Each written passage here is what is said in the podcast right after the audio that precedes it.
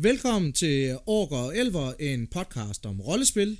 I øh, dag har jeg med mig min dejlige medvært Charles Bo, og vi skal snakke, øh, vi skal snakke om spillertyper, eller det er lidt mere præcise begreb, typologi og GNS-modeller og hvad er det for typer af spillere, man kan møde derude? Hvordan kan man designe til de her spillere? Og kan man designe sine karakterer ud fra bestemte typer af øh, personligheder og øh, mennesketyper? Og det vil vi så dykke ned i i dag. Og Charles, du er jo øh, sociolog, og jeg ved enormt meget om mennesker. Kan du ikke føre os øh, en lille smule ind i øh, typologiens vidunderlige verden? Jo, jo. Altså, øhm, ja, typologi er jo ligesom læren om typer, og det er jo sådan en ting, som, som sociolog er rigtig spændende, fordi man i sociologi lærer om det sociale, og der er ligesom, hvis man, og så kan vi godt lide at dele folk op i nogle kasser og nogle, øh, og nogle grupper, øhm, og det er jo rigtig meget også det, som typologi handler om. Og så kan jeg jo lige tilføje, at min, øh, min mor er jungiansk psykoanalytiker og har sådan en speciale i typologi også, så hun har også forklaret mig en hel masse om jungiansk typologi. Øh, og vi har blandt andet skrevet en artikel sammen om det, som jeg lige vil prøve at komme ind på lidt senere. Øh, men allerførst, øh, ja, det her med, med, med typologi. Jeg tror i virkeligheden, at det sådan er, det giver meget god mening. Det handler om, om spillertyper, som du, som du selv kalder det, og, øhm, og det er den måde, man prøver at dele, dele spillere op på. Og hvad kan man bruge det til, og måske vil det gode spørgsmål. Det kan man jo bruge til at finde ud af, et, hvilke nogle spillertyper har jeg sådan off-game med til mit scenarie, hvordan, hvordan sørger jeg for, at de alle sammen leger godt sammen. Øhm, men man kan også bruge det på en anden plan, som er, hvordan, hvordan kan jeg blive inspireret af de her typologier til at lave nogle, nogle diverse roller. Fordi hvis man ligesom tager en typologimodel, for eksempel den her Myers-Briggs-modellen, som er rimelig kendt, så kan man jo tage deres 16 forskellige typer, og så kan man sige, lad os bygge en rolle baseret på hver af de her typer, og så får man alligevel sådan en ret bred repræsentation af, af roller med nogle, med nogle sådan små nuanceforskelle, som, som jeg tror er, er interessant at arbejde med. Og for dem, der måske ikke lige øh, er helt skarp på, øh, skarp på Myers-Briggs, så øh, på Facebook florerer der ret tit de her personlighedstest. Jeg tror, de hedder 16 personalities, øh, og ellers kan man i hvert fald finde dem øh, derude øh, hvor man så kan, får man en bogstavkombination, det kan være INFJ øh, eller andre, og så, øh, og så tilknyttes der en eller anden personlighed til den type. Det bliver brugt rigtig tit også i rekrutteringsøje med og i arbejdsøje med, øh, og kan så også bruges i øh, rollespilsammenhæng. Ja, ja, og der findes jo rigtig, og der findes jo som sagt vildt mange forskellige typologimodeller.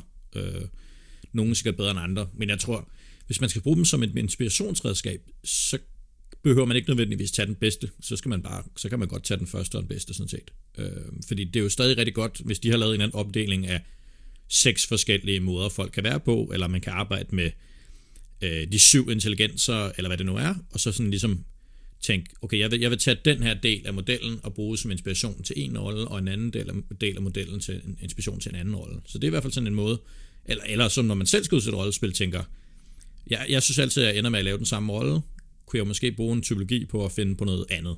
Øh, og det vil jeg mene, man kan, og det er også det, vi prøver at snakke lidt mere om. Ja.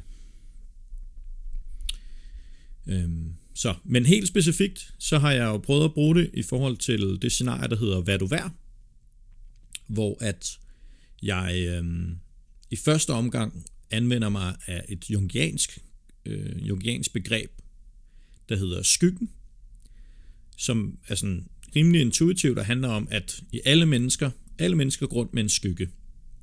Og den her skygge er ligesom en slags modsætning af, hvad de selv oplever sig til at være. Og det er så delt op i en masse forskellige parametre, men det vigtige er ligesom at sige, hvis der er nogle ting, som man selv synes, at nogle andre gør rigtig dårligt, eller nogle, andre, eller nogle ting i samfundet, altså et helt klassisk kunne være sådan politisk set. Så hvis jeg for eksempel er venstreorienteret, så i min skygge ligger de højreorienterede. Og jeg har rigtig svært ved at relatere til dem, fordi de ligger i det, som Jung kalder min skygge.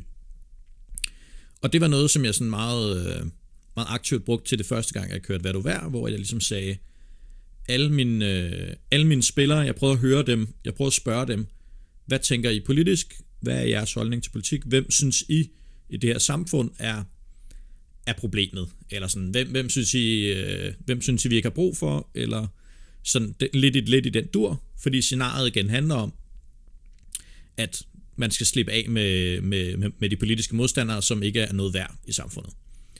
Og så, øh, og så gav jeg folk, så byggede jeg så folks rolle sammen med dem, baseret på deres egne, deres egen skygge, altså deres egen personlige skygge, sådan off-game skygge. Så der kan man sige, der var selvfølgelig nogle bleed, et bleed-element i det, med at tage noget fra deres, fra deres virkelige livsforståelse, men også for at prøve at udfordre deres virkelige livsforståelse ved at sige, hvordan, hvordan, vil, hvis, hvordan vil du stå, hvis du var din egen modsætning og skulle prøve at forsvare det over for en eller anden domstol? Jo, der er en bog, der glider her.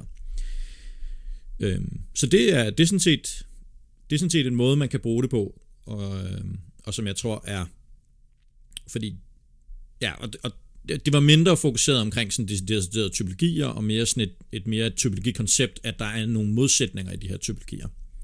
Så det var måden, jeg ligesom fik brugt det på der. Øhm, og man kan bruge det senere hen, så brugte jeg det ved at give folk nogle, nogle spørgeskemaer med nogle forskellige spørgsmål. Lidt eller en typologitest. Som, det var en, jeg selv ligesom havde, havde, havde sat sammen, inspireret af nogle typologitests, og brugt det som en måde at, at sige, okay, de har svaret sådan her, sådan her på nogle spørgsmål, så det, de, det der er deres skygge, anser jeg for at være det her og det her. Yes. Og så byggede jeg rollen noget for det. Så det var sådan måden, at det, at det har været prøvet af på. Og der er sikkert andre, der har prøvet at gøre noget lignende, og det, det vil jeg helt klart anbefale, at man, at man overvejer, når man skal lave sine, sine roller til sit spil. Ja, for det, det er vel også, altså en ting er at udfordre de spillere, man har til stede, men man kan vel også bruge det, hvis man laver præskrevne roller, kan man vel også bruge det til at øh, kaste, altså hvor man måske enten øh, skriver karaktererne direkte til at være, jamen øh, den her skal være den her type øh, personlighed, altså så passer den på en af de 16 personligheder ved Myers-Briggs for eksempel, eller en jungiansk øh, personlighedstype, så kan man lade sig inspirere dem og sige, om han skal være en indpisker, eller han skal være, han skal være en diplomat, eller han skal være, der, der, der er mange muligheder, øh, og så kaste ud fra det, ved at lade spillerne også tage nogle personlighedstest, og så lave nogle sjove mixes der. Øh, det, det, det, er vel, det er vel lige så meget det, der, der, der det her det kan bruges til, tænker jeg. Helt klart, og det, og det drager os lidt tilbage til den snak, vi havde på en af de første podcast om Mixing Disc of Larp, hvor der er den her ting med, med bleed in og bleed out, og hvor meget, hvor meget man ligesom vil prioritere tynde, tynde, tynde roller, som er tæt på spilleren, altså close to home, eller man vil have noget, som er meget distanceret fra dem. Fordi hvis man vil have noget, der er meget fjern for folk, der kan man selvfølgelig lade sig blive inspireret af typologien, men man skal ligesom tænke, hvordan er det, hvordan er det, jeg bruger det? Altså, hvis man gør det, som jeg gjorde det, hvor det er sådan, at jeg prøver at finde folks modsætning, så er det meget tæt på dem på en eller anden måde, ikke? Fordi det er noget, de sådan, der påvirker dem direkte. Øh, når det sådan er en, en konkret modsætning, og det scenarie handler om, at de skal forsvare deres egen modsætning. Men hvis man bruger det til at sige, okay, du er, du er måske en, der er, er tit er lidt introvert, og så kan du være sådan lidt mere ekstrovert. Så er det en måde, og så er det en måde hvorpå det er måske lidt mindre close to home, men hvor det lidt mere handler om at prøve at udfordre folks, øh, folks væremåde i deres eget liv på. Øh, men det er helt klart nogle elementer af at bruge ting fra virkeligheden, øh, som, man, som man skal overveje, før man gør. Ikke? Hvad, hvad er din vurdering? Du har jo siddet ret meget i sådan nogle lidt store internationale castingprocesser, hvor, hvor du ikke kendte de folk, der kom øh, vil, vil personlighedstests eller, eller noget tilsvarende, vil de kunne hjælpe i en castingproces, så man får givet folk roller, de ønsker at spille? Øh, altså i hvert fald elementer af det er helt klart brugbart, og det tror jeg rigtig mange af de, især de større internationale scenarier faktisk allerede gør. Altså rigtig mange af dem laver sådan nogle spørgeskemaer, de sender ud til spillerne, hvor de siger, hvad vil du gerne have for noget spil? Vil du gerne have meget romantik? Vil du gerne have meget drama? Vil du gerne have meget øh, strategisk konflikter? Vil du gerne have meget slåskamp? Vil du gerne have ud og, og, og opsøge eventyr? Og sådan, altså giver folk nogle forskellige parametre, som er ting, de gerne de vurderer fra 1 til 5, om hvor meget de synes, det er fedt. Øhm, som jo er meget det er det samme, man gør med en typologitest, som også er Øh, kan du godt lide øh, farven, øh, kan du godt lide farven blå mere end du kan lide farven gul? Det kunne måske betyde et eller andet. En eller anden typologitest. Eller er du en, der øh, godt kan lide at være hjemme om aftenen i forhold til at være ude i byen? Det kunne også godt se noget om dig som en personlighed, i din normal personlighedstest. Så det er lidt nogle af de samme spørgsmål, man bruger, bare, bare, øh, hvad kan man sige, tilpasset til rollespillet. Så man stiller dem selvfølgelig ikke nogen spørgsmål om ting, der ikke rigtig kommer til at ske i rollespillet, eller ikke kunne ske. Men det er en måde, hvorpå man kan få afgrænset og sige, okay, vi har de her 20 spillere vil rigtig gerne noget mere kamp, de her 20 spillere vil rigtig gerne noget med romantik, de her 20 spillere vil rigtig gerne noget med nogle, øh, med nogle forhandlinger, nogle krigsforhandlinger, eller hvad det nu måtte være. Og så sørger man for, at, at de bliver tilpasset, at de bliver smidt hen på nogle roller, som passer lidt med det, de selv, øh, med det, de selv har efterspurgt. Yes. Så, det er, så det er helt klart noget, både jeg har været med til at bruge, men, men som jeg også har oplevet til mange scenarier. Fedt. Og lidt, lidt i samme dur er der jo også en, øh, du har før nævnt, at vi skulle snakke lidt om en GNS-model. Øh, den læner så også lidt op af det her. Kan du, kan du, kan du kort introducere os til, til GNS-modellen og hvad den er? Ja. Ja, altså GNS er, øhm, er det, der hedder Gamist, Dramatist, nej, jo, ja, Narrativist og Simulationist. Og grunden til, at jeg lige sådan øh, fumler lidt med ordene her, det er fordi, der, rigtig, der rent faktisk er en del forskellige versioner af lige præcis den her øh, model. Og jeg tror, den, oprindelige, den helt oprindelige model er den, der hedder GNS, som er, jeg får lige at gentage det, Gamist, som handler om folk, der ser det sådan i spil, og gerne vil, for eksempel gerne vil prøve at vinde scenariet, øh, og tænker det meget sådan i brætspilstermer, men der er nogle klare regler, og man prøver at arbejde inden for de regler. Og det, der hedder øh, narrativisterne, som er dem, som går meget op i historien, og det skal være en eller anden sådan vild fortælling, hvor der sker nogle, nogle spændende ting, og hvor at vi ligesom er på en eller anden måde, vi fokuserer på at kunne være i en eller anden et medias race situation, hvor vi virkelig er der, og det vigtigste tidspunkt i spillernes liv, eller karakterernes liv. Og så S'et, som står for simulationist, eller folk, der godt kan lide at simulere. Og det handler så om folk, der går meget op i kostymerne, går meget op i tidsalderen, går meget op i, at man taler det rigtige sprog på den rigtige måde. Så det, så det er sådan meget, hvis man godt kan lide at være autentisk middelalder, for eksempel. Men det kunne også være, at det er sådan, man er et autentisk rumskib, og det hele handler om, at man skal passe fuldstændig ind, som man måske gør i Monsters Lestre. Og man skal sørge for, at ens kommandopapirer er klippet på den rigtige måde. Øh, men den her model er så oprindeligt sådan en, en RPG-model, som altså sådan i bordholdspilsmen, hvor man har taget det der, hvor man prøvede ligesom at opdele, hvad er det, hvad er det vores spillere, hvad er der for nogle forskellige spillere, som spiller øh, Dungeons Dragons, og hvordan kan vi hvordan kan vi prøve at tilpasse vores spilkoncepter ud fra de her tre grupper. Og den her model er så blevet hvad kan man sige, inkorporeret i, i rollespil på nogle forskellige måder, eller sådan ikke, ikke altså ikke at rollespil er men live-rollespil oh, oh, oh, er jo måske... Inden vi går til live-rollespil her, Charles. Vi snakker, vi snakker live, og live-rollespil, og her, her tilbage i 2003, så har, så har Peter Bøgman været skrevet en artikel om det, han kalder for The Free Trevejs-modellen. Oprindeligt så hedder, øh, hedder den, øh, den oprindelige model hedder Trefolds-modellen, så han har lige lavet sådan en lille ændring der. Øh, og hans model hedder så Gamist, Dramatist og Immersionist. Mm. Så det læner, sig, det læner sig lidt op af noget af det samme, men han har ændret på nogle af ordene, og lige præcis det, han åbner op for her, har så været gennemdebatteret rigtig meget, fordi folk har været sådan, er det det ene ord, eller det andet ord, eller det tredje ord, der er det vigtige, og, øhm, og, og, hvad, og hvad, er det, hvad er det for måde, vi, og hvad er det for en opdeling, vi laver af folk. Så for lige hurtigt sådan at gennemgå nogle af de forskelle, der er her. Altså Gamist nævner han også, og det er lidt det samme. Og i live sammenhæng er det måske mindre fokus på at følge reglerne meget strengt, men der er stadig meget fokus på det der med, om man kan vinde sit spil. Ja. Øh, og det er der ligesom mange niveauer af. Der er både noget med at vinde gennem reglerne, men der er måske også noget med at vinde øh, status i spillet. Og så er der det, som han kalder for dramatist, som er så sådan en, en, øh, en små ændring af, af narrativisten, men som er meget hen ad noget af det samme, men hvor at man, der er lidt mere fokus på det her med sådan at, at skulle agere og skuespille og, øh, og stille sig op og have nogle fede scener. Men, men det, det, der, er sådan, der, der er et stort overlap her, og det er, ikke sådan, det er nok ikke så interessant at snakke om forskellen. Der, hvor det bliver rigtig spændende, er det sidste del, og som er den, der har været omdebatteret rigtig meget i senere knudepunktsbøger og sikkert i mange debatter, og som også er noget, som når, når folk fortæller om den her model her, ruder rigtig meget rundt i, som er uh, immersionist, som er det, vi snakkede om sidste gang, det her med yes. indlevelse.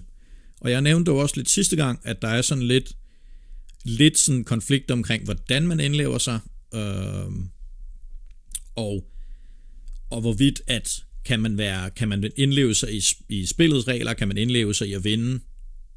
Den her model lægger jo lidt op til, at det kan man ikke. Og det er blandt andet noget af det, som folk har diskuteret rigtig længe. Og kan man indleve sig i historien som dramatist, og kan man indleve sig i, i dramaet, øh, det vil den her model jo så antyde, det kan man heller ikke. Og det er det, som har der været sådan rigtig meget konflikt omkring, fordi den her model er sådan en, der er blevet, den er blevet rigtig meget delt. Altså der er virkelig mange, der sådan har identificeret sig med den her sådan relativt simple måde at dele rollespillere op på. Og det er, det er noget af det, som er... Men som pointen er vel også, pointen er vel også, uanset om det så er øh, GNS-modellen, eller om det er trevejsmodellen, som du lige skitserede nu her, at, at man, er, man er jo ikke én ting som spiller, altså man er jo i et spektrum et sted derimellem. Altså det er jo ikke, øh, jeg, jeg synes nogle gange, og det, og, det, og det kan godt være, at det er mig, der lige bliver lidt, lidt hård her, men jeg synes nogle gange, at de der knudepunkts statements, de bliver meget sort-hvide, altså så er man enten det ene, eller det andet, eller det tredje, hvor, hvor jeg tror i virkeligheden, der er der, at der er nogen, der foretrækker øh, måske mere vinde, den, den er altid så nem at hive frem, end det dramaturgiske, men, men, men man udelukker ikke, at man også synes, at de dramatiske scener er interessant. Altså man kan sagtens blive hævet lidt i forskellige retninger, men man ligger jo mere flydende et sted imellem øh, de tre, tre punkter, ikke? Helt klart. Jo, jo, helt klart. Altså, eller jeg vil sige, jeg vil lave en lille addition til det, som er, at jeg tror, forfatterens egne ord er meget mere åbne, altså meget mere sådan, den måde, okay. som, som Peter skriver det på her, så beskriver han blandt andet et afsnit om, at selvfølgelig kan man være en blanding af de her forskellige ting. Øh, men jeg tror, det er det, der sker rigtig tit, er, når folk når folk snakker videre, når den, ligesom, når den går videre fra person til person, så bliver, den, så bliver, så bliver rammerne meget mere skåret op. Ja. Øh, så det, det er bare lige for ligesom at sige, at det, jeg tror ikke, det er, det er sådan, at dem, der har lavet modellens intention, men det er helt klart sådan, den nok er blevet fortolket rigtig tit. Øh, og det er jo blandt andet også det, som folk er blevet sådan, øh, frustreret over, fordi nogen kan, kan identificeres med en eller anden tredje, og jeg tror også noget af det, som man kan bruge de her typologier til, det er jo også at tænke i, måske skal jeg prøve at spille, måske skal jeg fokusere lidt mere på den ene retning til mit næste rådespil. I stedet for at tænke i, hvad er det, jeg godt kan lide, og hvad er det, jeg ikke kan lide, så kan man sige, måske skal jeg prøve at teste den her retning lidt mere af. Måske skal jeg prøve at fokusere lidt mere på regelspillet, eller prøve at fokusere lidt mere på øh, de episke scener, eller, eller, eller prøve at fokusere lidt mere på, hvordan jeg simulerer den her verden på den rigtige måde, og se, se hvad det gør, hvad det gør for mit spil, hvad det gør for min oplevelse. Men så er vi vel også tilbage til sådan det interessante her, fordi det er lige pludselig både er et værktøj til spilleren, i, altså, i sådan en identifikation af sig selv, hvor ligger jeg henne i det her spektrum her, og, og hvad har jeg lyst til at skubbe rundt med, og i forhold til, hvad er det for nogle spil, jeg har. Det kan også være et værktøj til, hvad er det for en type spillere, jeg designer mit spil til. Øh, så du som, som, så, altså, som øh, altså, spilleder eller game master lige pludselig kan sidde og sige, jamen, øh, hvad, hvad, hvem, hvem, altså i en eller anden forventningsafstemning, hvem henvender jeg mig til? Jamen, man kan sgu godt vinde det her rollespil. Vi fører et pointsystem. Når du har nakket 16 år før de andre, jamen så vinder du et point. Og så er du foran i konkurrencen. Altså, øh, så, så kan man bruge det. Men det jeg ikke helt kan lure, det er, kan man også bruge GNS eller trevejsmodellen til at kreere karakterer, eller til at kaste. Man kan jo godt i nogle rollespil have forskellige typer af spillere til stede. Altså nogen, der gerne vil vinde, nogen, der gerne vil være det dramaturgiske, nogen, der gerne vil det mere øh, det, det simulerende, eller, eller, eller hvad det nu kan være, uden at de nødvendigvis altså, clasher. Eller, eller er det mig, der har en naiv tanke om det? Øhm, nej, altså det, synes jeg, det synes jeg sådan set er en meget fin tanke, og jeg tror, jeg tror, det der er vigtigt at gøre op med sig selv, hvis man vil lave et rollespil, det er jo at finde ud af, altså få, få brugt nogle af de her modeller, der er derude, til at finde ud af, hvad er det for en rollespil, jeg gerne vil lave, og så finde ud af, hvad kan det, hvad, hvad kan det rumme? Fordi der er nogle rollespil, som ikke vil kunne rumme de her tre forskellige typer, alle sammen samme sted, og der er nogle rollespil, som godt vil kunne, og det handler lidt om, hvad det er, man gerne, hvad det er for et rollespil, man gerne vil lave. Øhm, og, og lignende, hvis man bruger nogle andre modeller, nogle andre typologier, så vil der jo helt klart også være nogle nogle aspekter, nogle rollespilsting, som ikke er spændende at have med. Og det hele handler jo ligesom om at tage sig nogle, nogle, reelle, nogle reelle beslutninger om, hvad skal være med, og hvad skal ikke være med. Og hvad er det, der er fokuset øh, for vores rollespil. Så, så for sådan lige at, at bygge lidt videre på det, eller sådan for os at se, de der, model, de der spørgsmål, de der spørgeskemaer, som der har været, hvor folk siger, vil du gerne have rigtig meget kamp, vil du gerne have nogle, vil du gerne fokusere rigtig meget på regelspillet. Det er jo sådan nogle spørgsmål, som du bliver stillet i de her, i de her uh, casting spørgeskemaer til mange rollespil. Uh, og de bygger jo blandt andet på den her GNLS-model. Ja. Så der spørger man jo også lidt, vil du rigtig gerne fokusere på simulationsdelen, vil du rigtig gerne fokusere på, uh, på, på narrativisme-delen. Øhm, og i, i, den, i den forsøger de jo så nemlig lige præcis at få castet spillerne hen i nogle, hen i nogle steder i spillet, hvor at, at det er det fede, det er det, der er i fokus. Og jeg kan jo sige, at, at for eksempel til College of Wizardry, har vi en meget sådan, øh, vi har prøvet at dele lokationen op, eller det gjorde vi i hvert fald, dengang jeg var med aktivt, så, så prøvede vi at dele hele locationen op i nogle zoner, øhm, og i de zoner, så var der ligesom fokus på nogle forskellige former for spil. Ja. Så ude i skoven var der fokus på, det var her, man kunne slås med NPC'erne, det var her, man kunne møde øh, de magiske væsener og kaste magi med dem, og det var sådan spiller NPC, der var sådan lidt PvE-element i det, ikke? Jo. Og så var der... kunne vinde. Ja, og der kunne man også vinde, altså der kunne man jo overvinde de her NPC'er, eller man kunne tabe til dem, eller der var ligesom nogle rammer sat for, hvor man, hvordan man kunne gøre det, ikke? Ja. Og, og samtidig så kunne man så være op i, i, i common roomsene, eller være til timerne, hvor det handlede rigtig meget om at leve sig ind i det her skoleliv, og prøve at simulere det, og, øh, og virkelig sådan være tæt på, hvordan det sådan rent faktisk at være, at være på det her magiske Harry Potter-slot, hvordan føles det at være til det Harry Potter-timer, og der var der sådan mindre fokus på, at man skulle vinde alt muligt og alle mulige regler, der var der rigtig meget fokus på sådan at prøve at simulere at leve sig ind i, i den her skoledag på en magisk skole. Mm. Og så havde vi, øh, jeg tror, kælderen og tårnet, med nogle af de der sådan indenfor, men sådan lidt obskure steder, det var der, hvor vi lavede op til. Det var her, at man skulle have de store ritualer, hvor man skulle hidkalde dæmoner og øh, genopleve øh, gamle troldmænd eller troldkvinder og hive dem tilbage som spøgelser og udspørge dem om alle mulige seje, vilde ting. Og altså have de der sådan store, dramatiske, voldsomme scener. Mm. Øhm, og, og tanken var lidt, at, at vi ligesom prøvede at sige, slottet er stort nok, og der er mange, og der er nok spillere til, at vi kan rumme alle de her forskellige måder at spille rollespil på til samme scenarie. Og det gør egentlig ikke rigtig noget, hvis at dem, der sidder og prøver at leve sig ind i en eller anden øh, teenage-romance på deres common room, at de aldrig rigtig finder ud af, at der var nogen ude i skoven, som, over, som vandt over øh, den vilde minotaur, og det er heller ikke rigtig så vigtigt, om de finder ud af, at nogen var ved at redde hele skolen ved at lave et eller andet stort ritual øh, nede, i, nede i den hemmelige dungeon. At spillet, spillet fungerede fint for alle deltagere, selvom de ikke nødvendigvis fandt ud af, hvad alle de andre folk lavede. Men det synes jeg jo er en, er en helt fantastisk måde at designe på. Øh, jeg tror der også, der er mange... Jeg tror, der er rigtig mange, øh, både junior- og skovkampagner og sådan almindelige rollespilskampagner derude, som, som enten allerede ubevidst gør det, eller nogle af dem gør det måske endda bevidst, og, eller, eller i hvert fald vil kunne drage nytte af at kunne tænke, tænke i at gøre de her ting. Der er jo enormt mange kampagner, som jo har øh, alle de her forskellige typer af spillere samlet, fordi de, de er store, og hvis, for eksempel hvis det er en junior-kampagne, jamen, så er det måske også det rollespil, der er. Og så er der nogle af ungerne, de vil gerne noget dramaspil, nogle af ungerne, de vil bare gerne tæve nogen og vinde, og nogle af ungerne, jamen, de vil måske bare gerne prøve at altså, sidde ude i skoven og sanke urter og virkelig leve sig ind i sin druiderolle, eller hvad pokker det nu kan være. Og hvis man så som arrangør af de her kampagner kunne tænke i plot. Måske kan det være svært i skoven at lave deciderede zoner på samme måde, men man kan i hvert fald tænke meget i enten plot eller ting, der ligesom passer til de, til de enkelte typer af spillere, så tror jeg, man får enorm god feedback fra dem. Det, det, øh, det jeg vil have ønsket, at da jeg lavede Nominak og Varen for mange, mange år siden, at, at jeg kendte til den her model. Altså, for jeg kan jo ret, jeg, retroperspektiv kan jeg jo sagtens se, alle de her typer af spillere, der var derude, og at vi også lavede ting til nogle af dem nogle gange, men, men at have været mere bevidst omkring det, så tror jeg sgu også, at vi har været noget skarpere på det. Det, det, havde, været, det havde været noget sjovere i 2006. Altså, øh, så er jeg blevet klogere nu.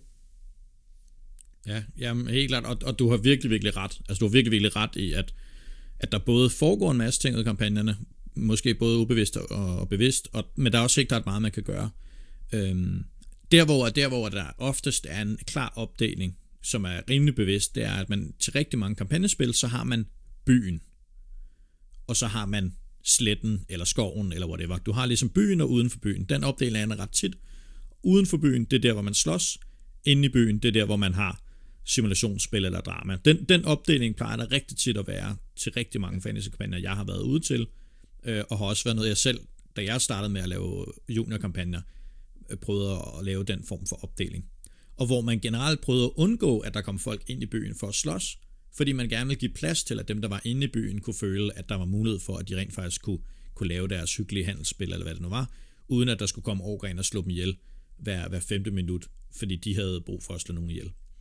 Øh, så, så de her sådan opdelinger af oplevelser er allerede noget, der sådan fungerer, men jeg tror helt klart, det er noget, man kan, man kan tænke mere i, og, og som man kan melde klarere ud. For jeg tror rigtig, den rigtig store udfordring, der rigtig tit er til mange af de der fancy-kampagner, det er, at det ikke melder sig det klart ud. Der er nogen, der har haft nogle gode idéer, som de har prøvet at bygge nogle ting omkring, men det er meget uklart, at de idéer rent faktisk er en ting. Øh, det, det er sådan nogen, der var sådan, nah, men vi har lige lavet, vi, vi sørger sådan lidt for at lægge op til, at, at folk ikke angriber og slås ind i byen. Men man kunne jo sagtens lave nogle mere klare regler, klare regler og sige, der er ikke slåskamp i byen, eller, øh, eller det her område her inde i byen øh, må man ikke slås. Eller måske er der kastet, måske hvis, det, hvis, det, hvis, måske hvis man ikke har lyst til at lave sådan en off-game regel, så kan man lave en in-game regel og sige, øh, den store troldmand Hexgumbidar, han har, han har kastet en formular rundt om hele byen, som gør, at man kan ikke, man, man er simpelthen ikke i stand til at, til at slås mod andre, når man er inde i byen. Øhm. Det er rigtigt. Men jeg tror også, jeg tror også, øh, jeg tror også der i hvert fald som på en arrangørs side skal man også lige være bevidst om, at man som arrangør jo også har en tendens til at arrangere rollespil ud fra, hvad man gerne selv vil. Altså jeg har da siddet i arrangørgrupper, hvor det er jo helt tydeligt, der var en, for eksempel da jeg lavede en, en skovkampagne tilbage, jamen det har været sådan noget 2006, og så en 5-6 år frem derfra. Og, og det, det var helt tydeligt, at man, der var en Game Master, han stod ligesom for kamp, og alt omkring kamp. Koordineret kamp, sørget for, at kampene var afstemt i forhold til mængden af spillere, der var dukket op, at der var en eller anden fairness i det, og så ved alt det, fordi det var vigtigt, at øh, hvis man skulle tæve hinanden, at så skulle der også være noget fairness i det, og så skulle det ligesom, altså, så skulle kampelementet være vigtigt. Øh, og så tror jeg, at vi var to andre spillere, som sådan lidt svævede, lidt udefinerbart omkring det der med, øh, jeg, jeg, er ikke, jeg er ikke særlig god til at simulere. Jeg synes, øh, det dramatiske er noget sjovere end, end, end simulering, for eksempel. Men, men der var jo spillere derude, for hvem det bare, det der med at bare kunne fordybe sig i en kro-rolle, eller, eller i en kongerolle, bare var, var det største. Altså, og dem kunne jeg godt have arrangeret for, havde jeg været bevidst om det her. Men det er mere bare lige for at sige, at man som, som game master også nogle gange skal være, eller som arrangør skal være meget bevidst om, at hvis man ikke gør noget, ah, hvis man ikke gør noget anderledes, så arrangerer man som udgangspunkt altid de rollespil, man selv gerne vil deltage i, eller i hvert fald ud fra sit eget synspunkt, sit eget bias, for at bruge det udtryk. Øh, men det er ikke umuligt at arrangere for andre. Det, det tror jeg bare, de er ordene, jeg har herfra. Ja, det, det synes jeg er rigtig klogt. Men er vi så der, hvor vi skal indføre øh, de 16 personlighedstest, når du skal melde dig til øh, Krøllebølle øh, junior-kampagne?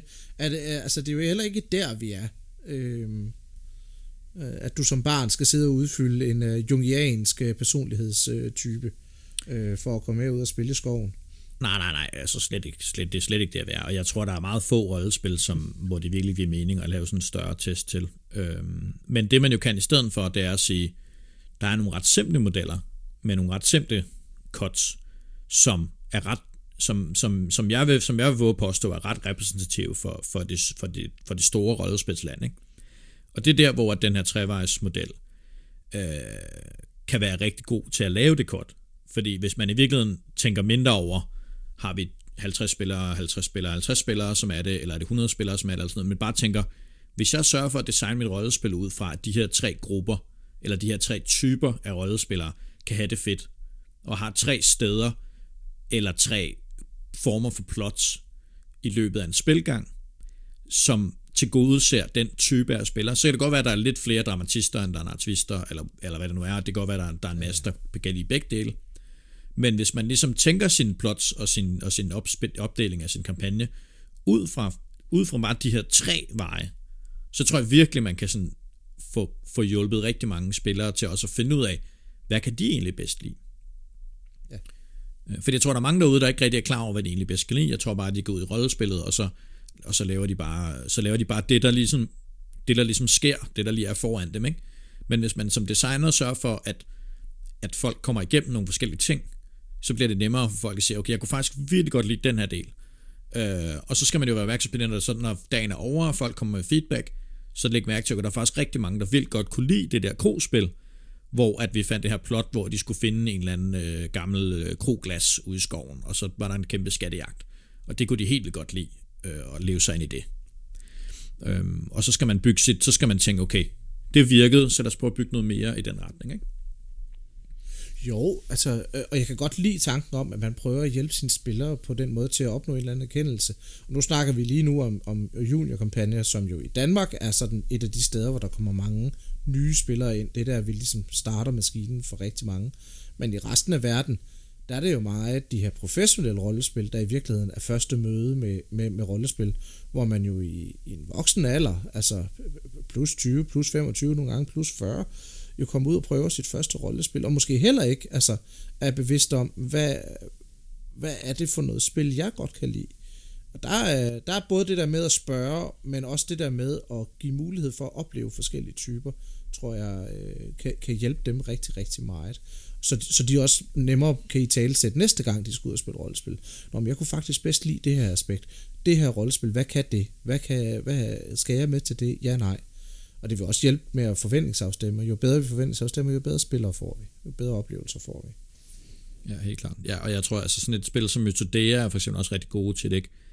Øhm, altså de har nogle gange haft sådan en dungeon, man kunne komme ned i, som var sådan meget, vi skal løse, vi skal løse nogle klare mysterier, og der er nogle klare regler for, hvordan vi begår os rundt.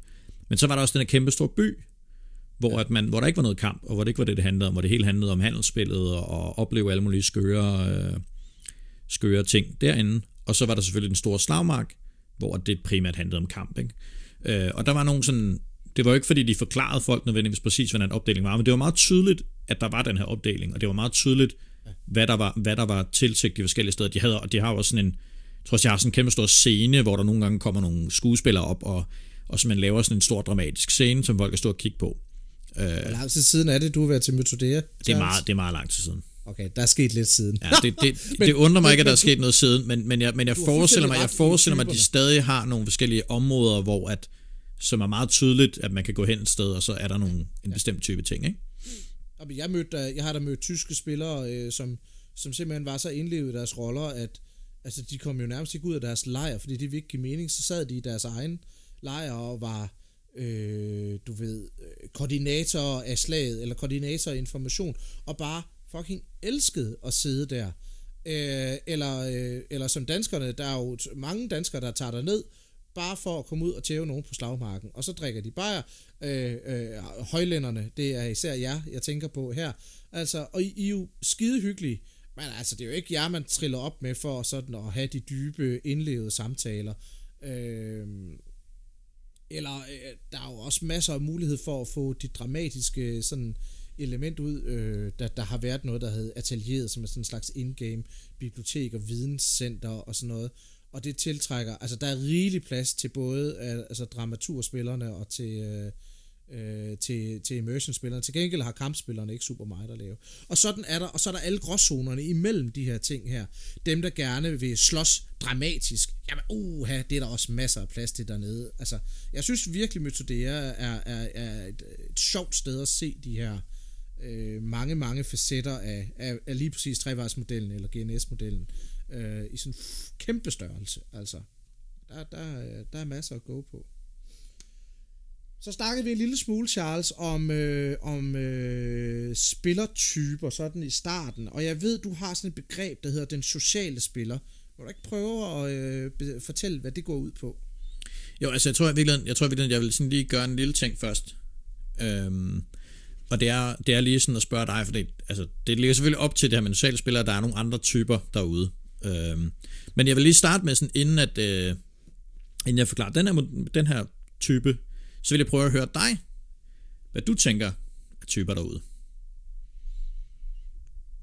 Ja, som ikke, altså, som, ikke, som ikke er de her tre, øh, som vi har snakket om. Er der, er der nogle andre former for rollespillere, som du tænker, der kunne altså, passe som ind? ikke er... øh, Okay. Bare sådan frit, frit for benet, eller hvad det hedder. Altså, der er i hvert fald, jeg, jeg, jeg har i hvert fald, når, når jeg har, øh, og, og jeg beklager lige til lytterne, at der nogle gange lige er lidt øh, pause imellem mig og Charles.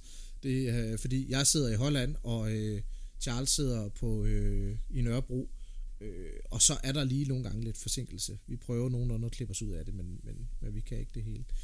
Hvilke spillertyper jeg synes, der er derude? Der er i hvert fald ingen tvivl om, at, at jeg har i hvert fald tit omtalt vindertypen, fordi det er sådan en meget nem type at identificere.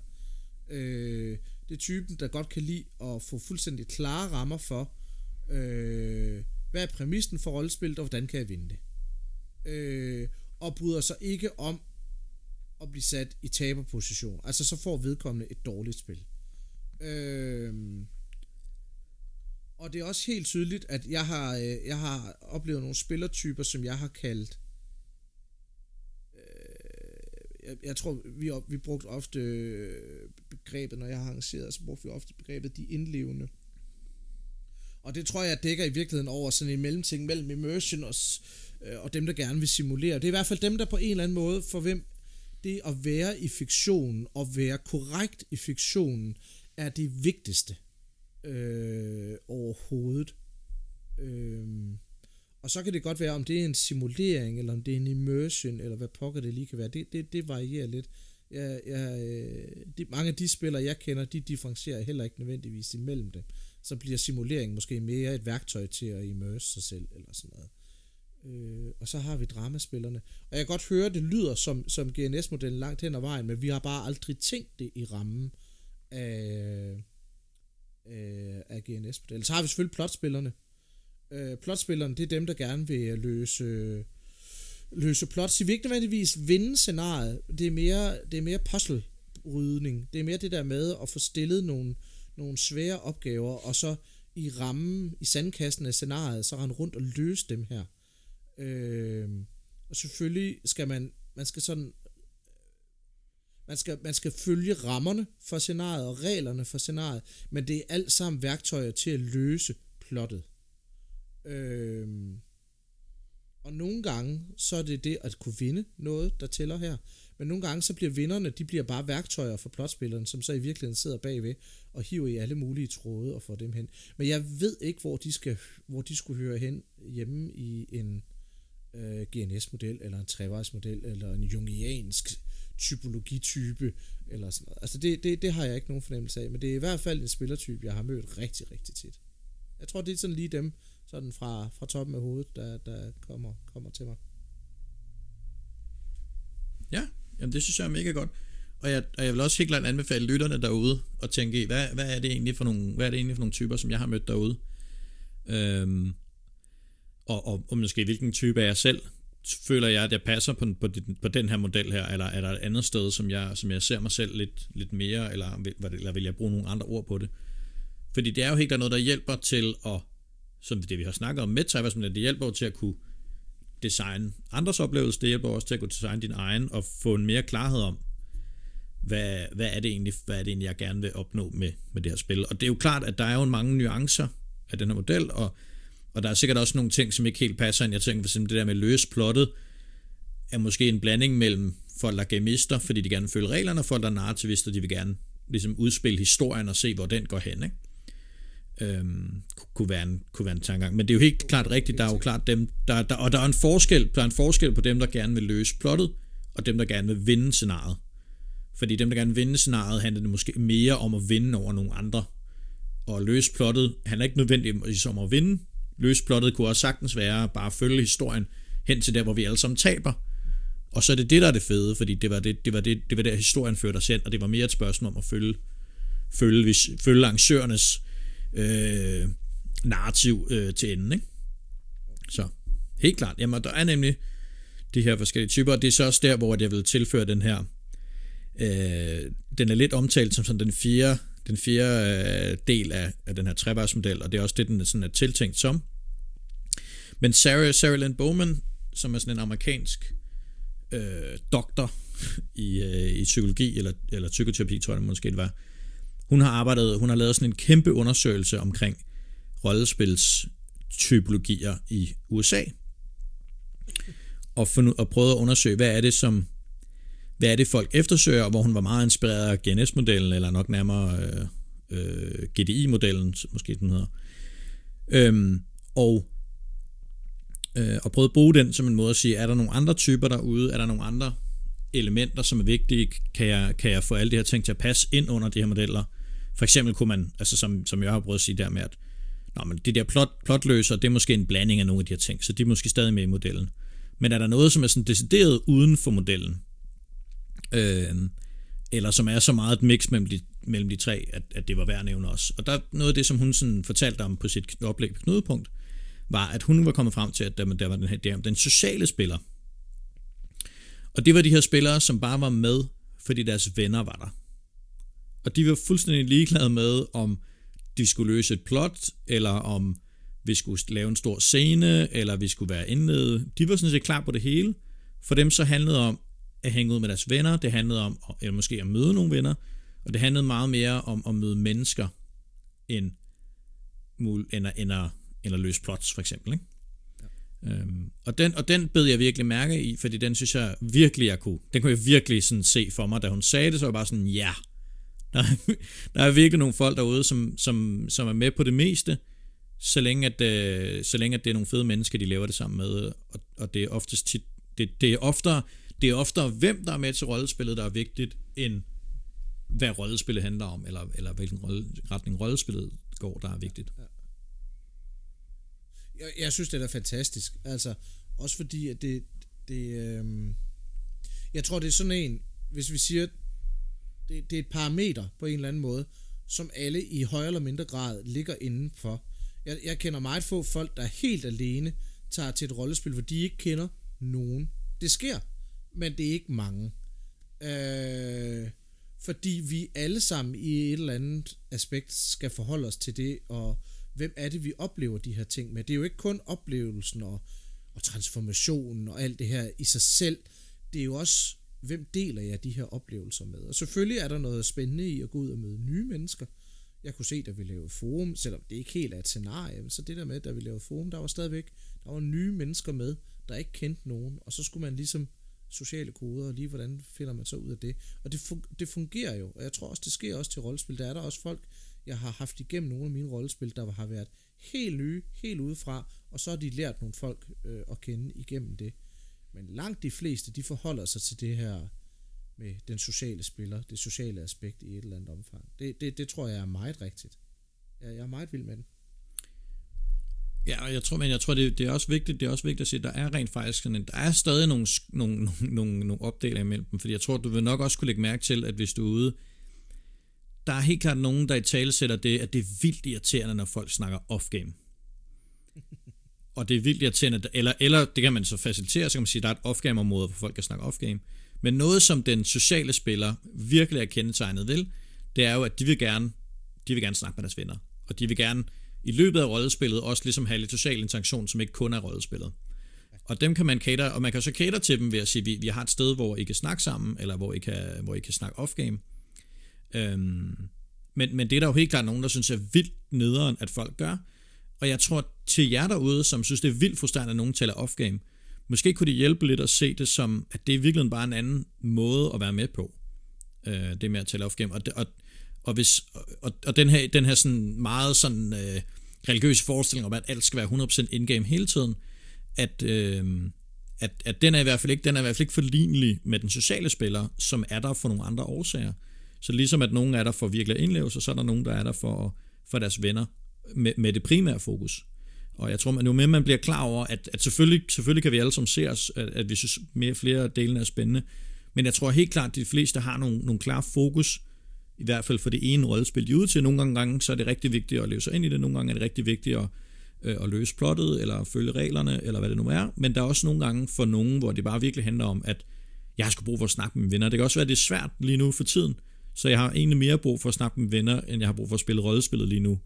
Øhm, og så kan man diskutere, hvorvidt det er en okay ting at gøre.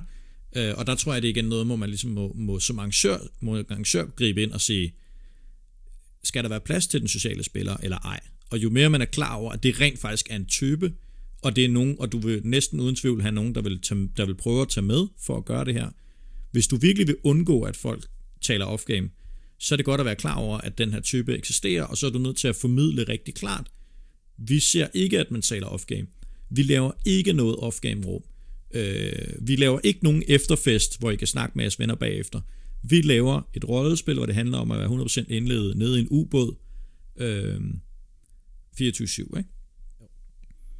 Jeg tror, Mytodea er også sådan et glimrende eksempel på, øh, hvordan, det, altså, hvordan den her type også er der, hvor især kroerne har en tendens til at være stedet, hvor man så går hen og er enten helt off-game sociale sammen, eller i hvert fald ikke helt in-game, og så øh, kan sidde der og hygge sig. Og vi har altid, øh, uanset hvilke grupper jeg har været afsted med, har vi altid en evig debat imellem folk, der insisterer på, at, øh, at vi skal være 100% in-game til metodere, og folk, der, altså, de er der lidt for at hygge sig. Det er deres ferie. De har ikke nødvendigvis behovet for at, at skulle være in-game, enten efter behov, og så, øh, og så når resten af tiden, så er man der bare med sine venner og skal lige ud og hygge sig lidt. Og det der, øh, det, det er nogle af de sværeste øh, forventningsafstemninger, øh, sådan i hvert fald internt og socialt, jeg kender. Men, men nogle af de regler, der har fungeret godt dernede, var for eksempel at gå ned til et off-game-område, så bare definere krogen som værende, her er det okay, vi sidder foran bajer og, og ikke lige er in-game. Og jeg er helt enig i din, øh, altså, det, det, jeg er helt enig i den der distinktion, så at sige, man kan godt have et off-game-område, hvor man kan gå hen og så gøre det der, men så skal det også kun være der, for eksempel. Så tager man sådan hensyn til begge, begge typer af spillere. Hvad, øh, øh når du nu har den sociale spiller, øh, den kan du jo ikke rigtig designe til på det andet, end du kan lave et off-game område. Eller hvordan? Kan, kan, kan du gøre noget som designer for at imødegå dem? Altså, den, den mest oplagte er jo selvfølgelig det der med at have et off-game område, eller have et semi-off-game område, som for eksempel en kro, hvor at og, og, og igen, og jo mere det ligesom er, jo mere det er formidlet til deltagerne, jo bedre. Ikke? Men man kunne, man kunne have nogle forskellige kroer, man kunne have nogle kroer, som ja, hvis rollespillet er stort nok, ikke? men hvis man kan have nogle kroer, som ligger op til, at det her det er meget sådan indlevelse, immersion, der er ingen off snak, og så er der en anden kro, som er det her, de billige bare er, det her, hvor man kan snakke med sine venner, det her, hvor at, at, at rummet er lidt mere åbent. Øhm, men altså en ting, jeg kan, jeg kan huske, vi snakkede om i forhold til, hvordan vi kunne gøre det med Sunfall, var noget med at prøve at tænke i øh, at lave mindre rum, hvor folk sad og, og hyggede sig. Fordi så blev det mere klart, at så kom der en forhandling mellem de folk, der var inde i det rum, om, om vi var off-game eller in-game. Og når man var på vej ind i rummet, før man ligesom markerede, at jeg er in-game eller off-game, så kunne man lige mærke efter dem, der sidder i rummet, okay, de er faktisk vildt in-game alle dem her, eller de er vildt off-game. Øh, og så kan man vurdere, er det noget, jeg har lyst til at engagere mig med, eller ej. Øh, og det, det er jo en måde ligesom at sige, vi ved, at de her sociale spillere er her, øh, så hvordan, hvordan, hvordan sørger vi for, hvordan designer vi ud fra, at de ikke kommer til at clash for meget med dem, der rigtig gerne vil indleve sig. Og det kan man for eksempel gøre ved at lave mindre rum, hvor i at man fester for eksempel, eller, eller mindre rum i det hele taget, hvor man, hvor man spiller sådan, så der er nogle rum, hvor, hvor, hvor de der forskellige typer kan, kan have fokus på deres. Og det er vildt meget nemmere for mig som spiller at gå ind i et rum, hvor der sidder 10 mennesker og vurdere, hvad er niveauet her, end det er for mig, hvis jeg går ind i et rum, hvor der er 100 mennesker. Øhm, og, det, og det, der ofte sker i de her rum, hvor der er 100 mennesker, hvis man har et kæmpe festlokale, en kæmpe barrum, jamen så, så sker det rigtig nemt, at øh, der er måske nogle af grupperne, der sidder i det her rum, der er lidt off og det smitter rigtig meget på mange af de andre. Øh, lad os sige, de går op til, til dem, der sidder i baren, og de jo har jo bare deres off fest, så de går bare op til dem i baren og, og kalder dem ved deres off navn og siger, jeg skal bare have en, øh, en nummer 16.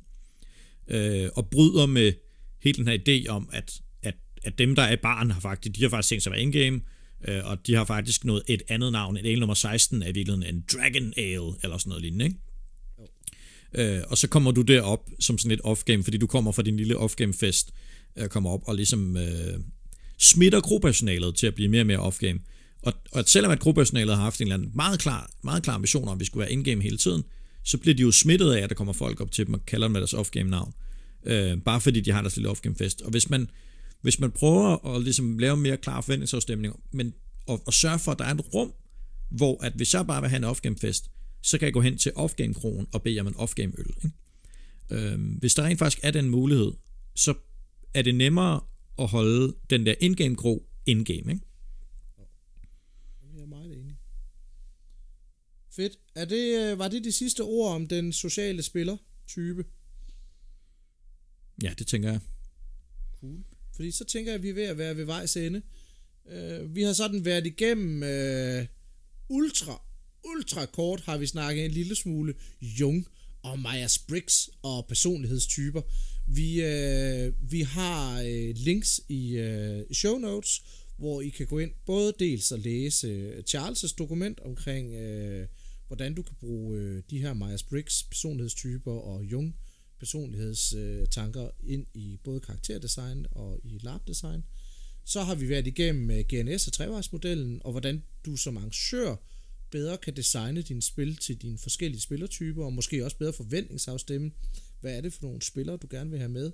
Og du som spiller også i langt højere grad kan gøre dig selv bevidst om, hvad er det, jeg gerne vil, hvad er det, jeg synes er spændende, øh, hvor skal jeg måske prøve at udfordre mig selv, øh, og så kan bruge det som nogle værktøjer. Og det, øh, det gælder altså også helt ude i, øh, i juniorskoven. I bliver kun bedre øh, af at, at, at tænke de rammer. Måske eksponere nogle af de førstegangs rollespillende for de her forskellige typer, så de også bliver mere bevidste om det. Og så har vi snakket om den sociale spillertype, som mere er der for at være sammen med sine venner, og er der for at lave det som en fælles, en fælles aktivitet. Og hvor min tese lidt er, at jeg tror, at alle spillere forholder sig til det her aspekt eller den her parameter i en eller anden grad. Nogle er der meget for det, og nogen har overhovedet ikke behov for at spille rollespil med andre, og alle er et eller andet sted ind på det her spektrum her. Øh, er det ikke sådan nogenlunde fornuftigt opsummeret, Charles? Det synes jeg var meget fornuftigt opsummeret. Jeg synes, du kom, kom ja. rigtig godt, rigtig godt rundt om det. For. Jamen, øh, og så siger vi øh, tak for denne her gang. Der kommer... Øh, som sagt, links til show notes, og der går lige et par uger, så kommer der øh, nye afsnit. Og forhåbentlig får vi også vores øh, tier.dk op at køre, hvor man kan gå ind, og så kan man tegne et abonnement. Øh, og så hver gang vi udgiver et øh, show, så giver man en 10'er, eller en 20'er, eller en 50'er, eller 100 kroner, det bestemmer man selv, øh, Øh, i donation til os øh, så vi også får lidt øh, mønt for at bruge tid på at lave det her. Man må også gerne bare levere. Det er også helt fint. Øh, gå ind, find os på øh, Facebook og på Instagram. Vi hedder også Orker og Elver begge steder derinde. Øh, og der kan man også følge med i, hvornår der kommer nye afsnit. Yes, tak for denne her gang. Hej. Hej.